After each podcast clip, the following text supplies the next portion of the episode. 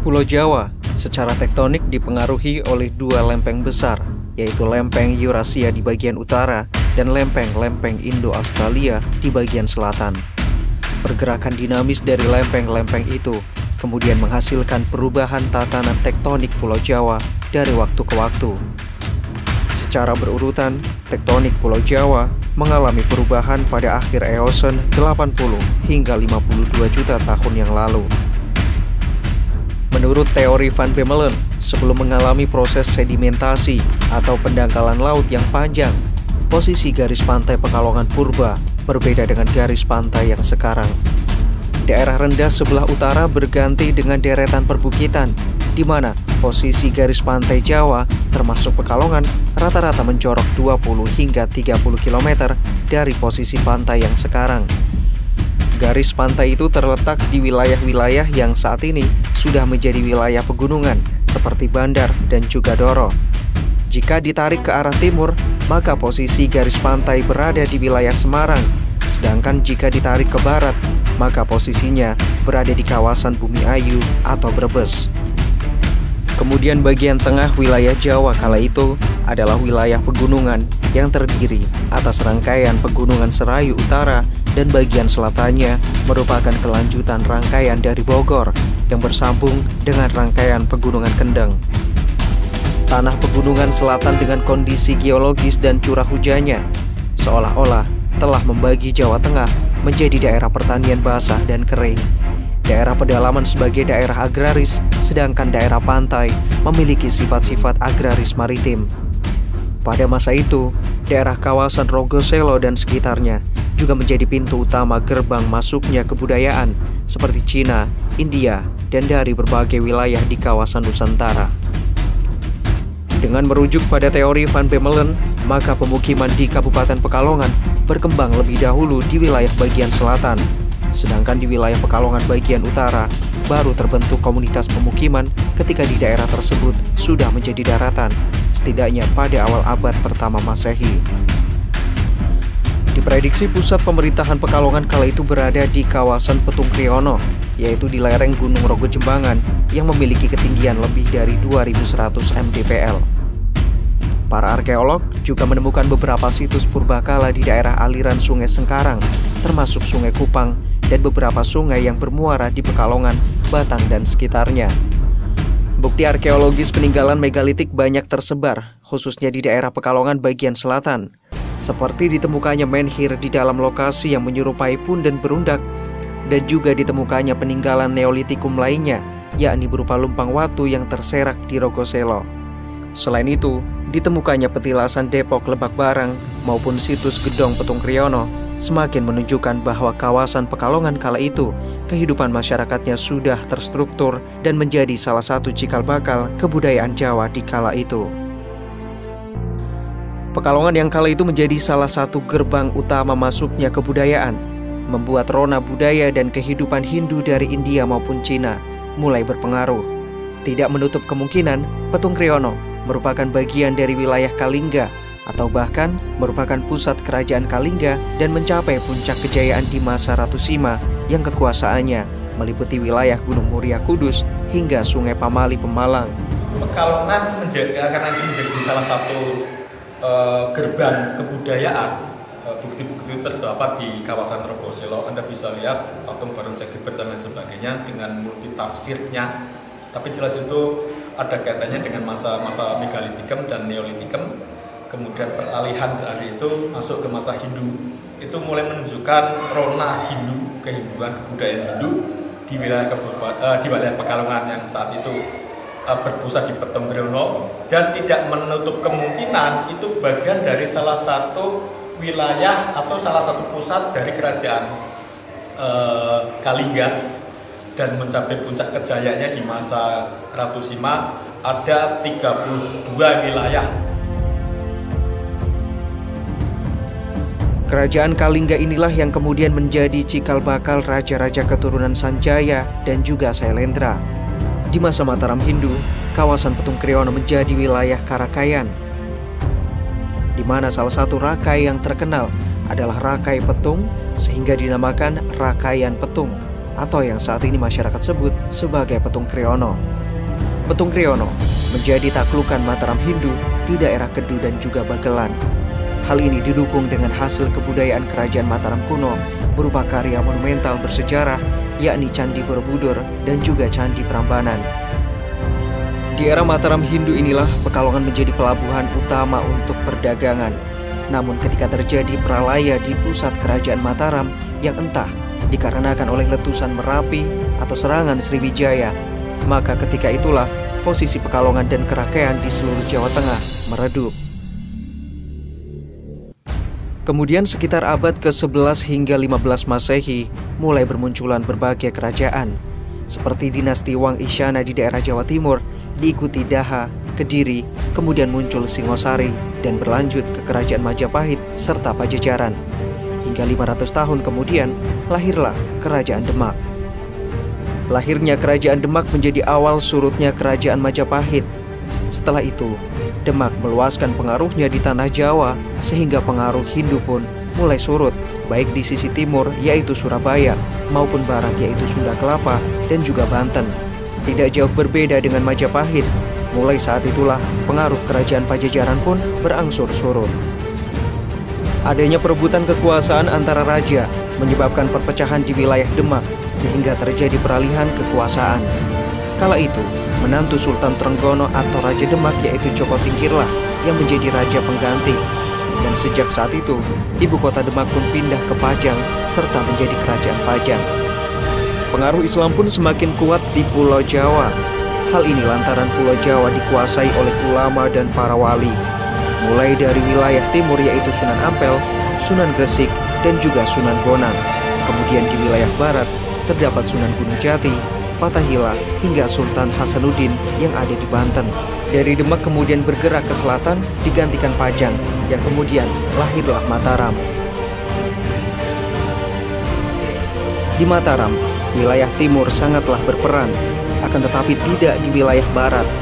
Tidak berperannya barat terhadap Mataram tak membuat peperangan terjadi di antara keduanya, karena Mataram dengan wilayah Cirebon diibaratkan sebagai sahabat Sedangkan antara Cirebon dengan Demak terdapat wilayah kosong yang belum terhuni. Di situlah yang kemudian muncul babat alas Kendal Sari, babat alas Roban, dan babat alas Gambiran yang merupakan cikal bakal terbentuknya wilayah Kendal, Batang, dan Pekalongan. Di era Mataram Islam, sejarah terbentuknya Kabupaten Pekalongan sering kali dikaitkan dengan sosok bernama Bahurekso. Konon, Bahurekso inilah tokoh yang menjadi cikal bakal terbentuknya Pekalongan namun bagi masyarakat Pekalongan sendiri, keberadaan sosok Bahurekso ini masih simpang siur. Ada sebagian masyarakat yang berpandangan bahwa sosok ini hanyalah sebuah tokoh dongeng yang berasal dari mitos kedaerahan. Sebagian lagi ada yang berpendapat bahwa sosok ini adalah tokoh sejarah yang nyata. Perbedaan pendapat tentang ketokohan Bahurekso sebagai sosok mitos atau sejarah ini tentu memiliki alasannya masing-masing. Mengingat Bahu Rekso lebih banyak dikenal masyarakat Pekalongan melalui cerita tutur yang banyak ditemukan dalam seni pertunjukan ketoprak dan juga wayang golek pesisiran.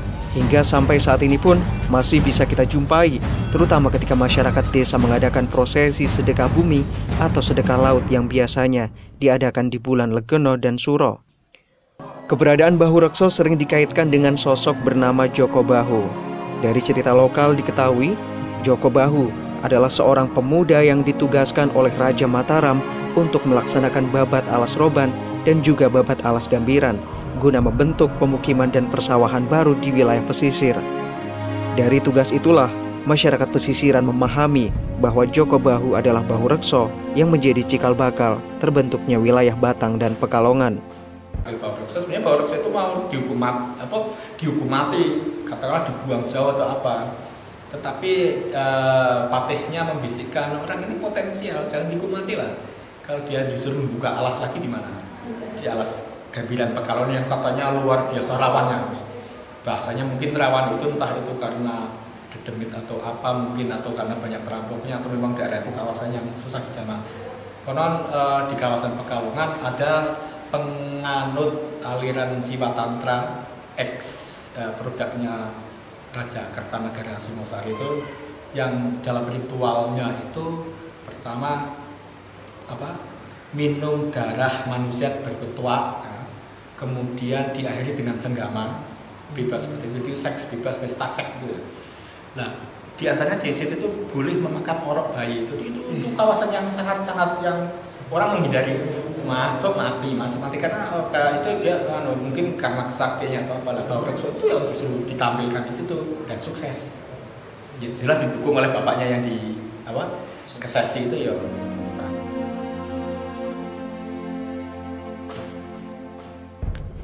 Selain sosok Joko Bahu, masyarakat Pekalongan juga mengenal dan menghormati seorang tokoh tua bernama Ki Ageng Cempaluk. Lantas, siapakah sosok Ki Ageng Cempaluk? Masyarakat Pekalongan percaya tokoh legendaris ini merupakan guru spiritual sekaligus ayah dari Joko Bahu. Baik Ki Ageng Cempaluk maupun Joko Bahu adalah tokoh cikal bakal terbentuknya wilayah Pekalongan. Kita bisa menjumpai makam petilasan Ki Ageng Cempaluk di Desa Kesesi Rejo, Kecamatan Bodeh, Kabupaten Pemalang, berada tepat di sebelah barat Sungai Layang yang memisahkan antara Kabupaten Pekalongan dan Kabupaten Pemalang. Namun, area ini sekitar tahun 90-an pernah terlanda banjir besar sehingga menghanyutkan beberapa bagian dari petilasan makam.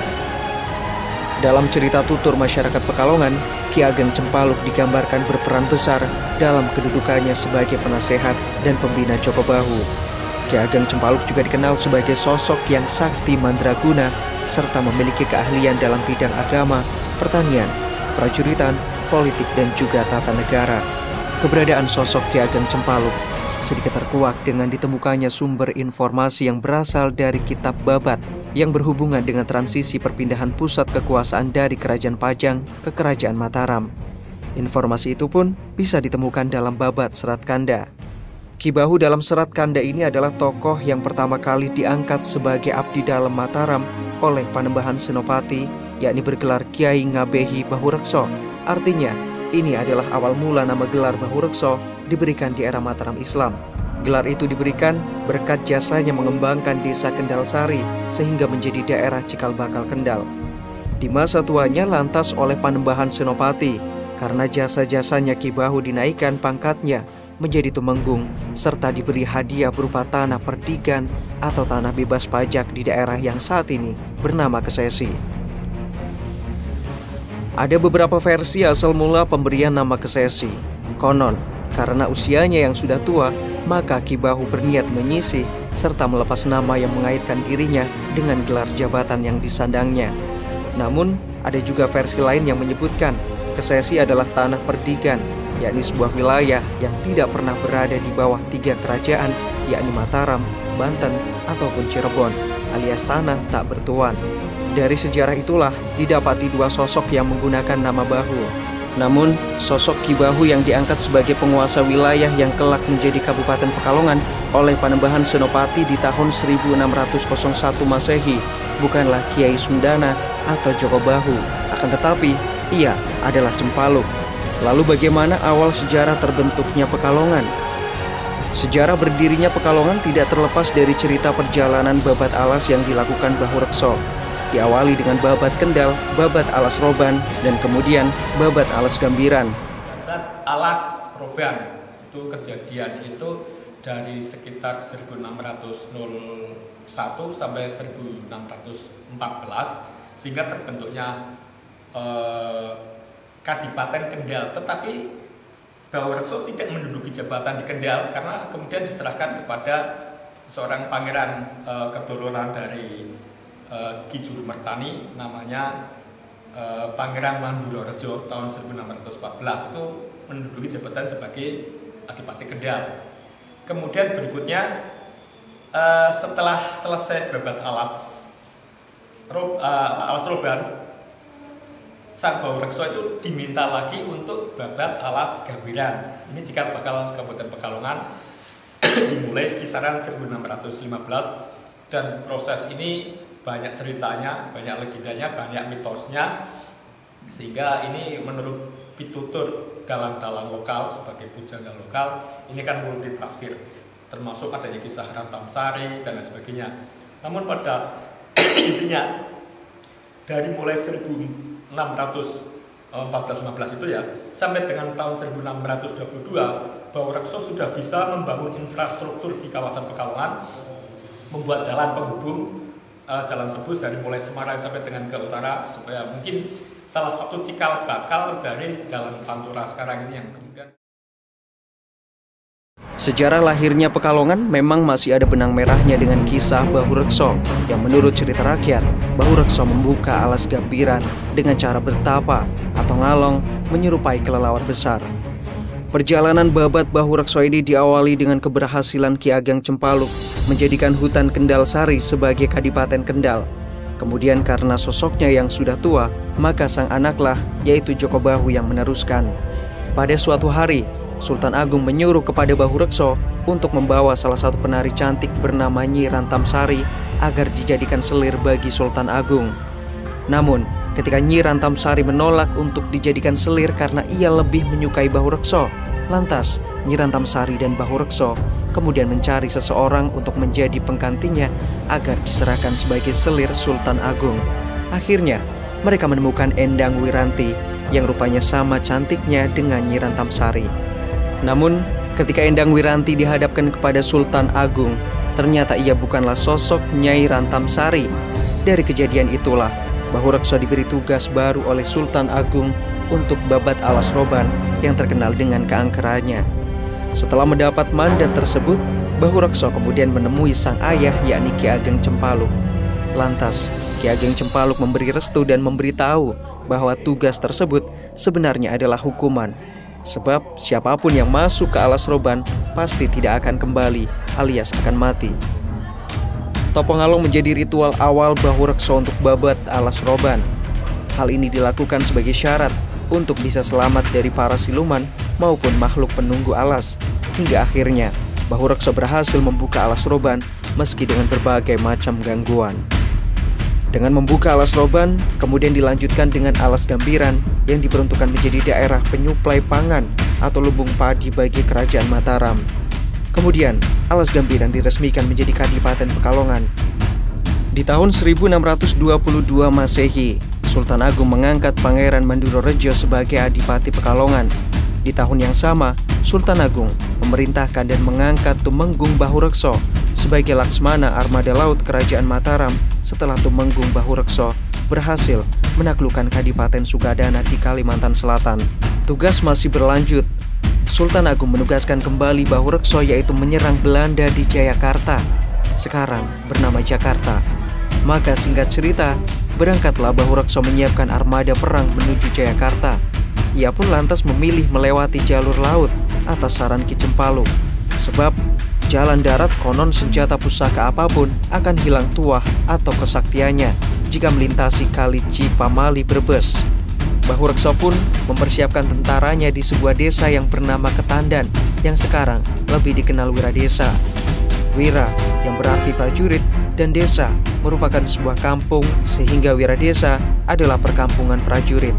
Dari situlah Bahurekso bertolak ke Jayakarta. Di Jayakarta, Bahurekso bersama dengan pasukannya berperang melawan Belanda. Namun Bahurekso terkena tembakan meriam hingga terluka parah di bagian kakinya. Akhirnya, Bahurekso diamankan oleh para prajuritnya untuk dibawa kembali ke Mataram. Namun ketika perjalanan hingga sampai di Tegal, Bahu Reksa meninggal dan dimakamkan oleh para pengawalnya di daerah Labaksiu, Tegal. Beberapa tahun setelahnya, Tan Kuijan menjabat sebagai Bupati Kabupaten Pekalongan pertama yang dilanjut oleh Raden Tumenggung Wiryo Adi Negoro dan terus berganti hingga sampai pada era sekarang yang menjabat sebagai Bupati Pekalongan adalah Asif Kolbihi dan yang menjabat sebagai Wali Kota Pekalongan yaitu Sailani Mahfudz.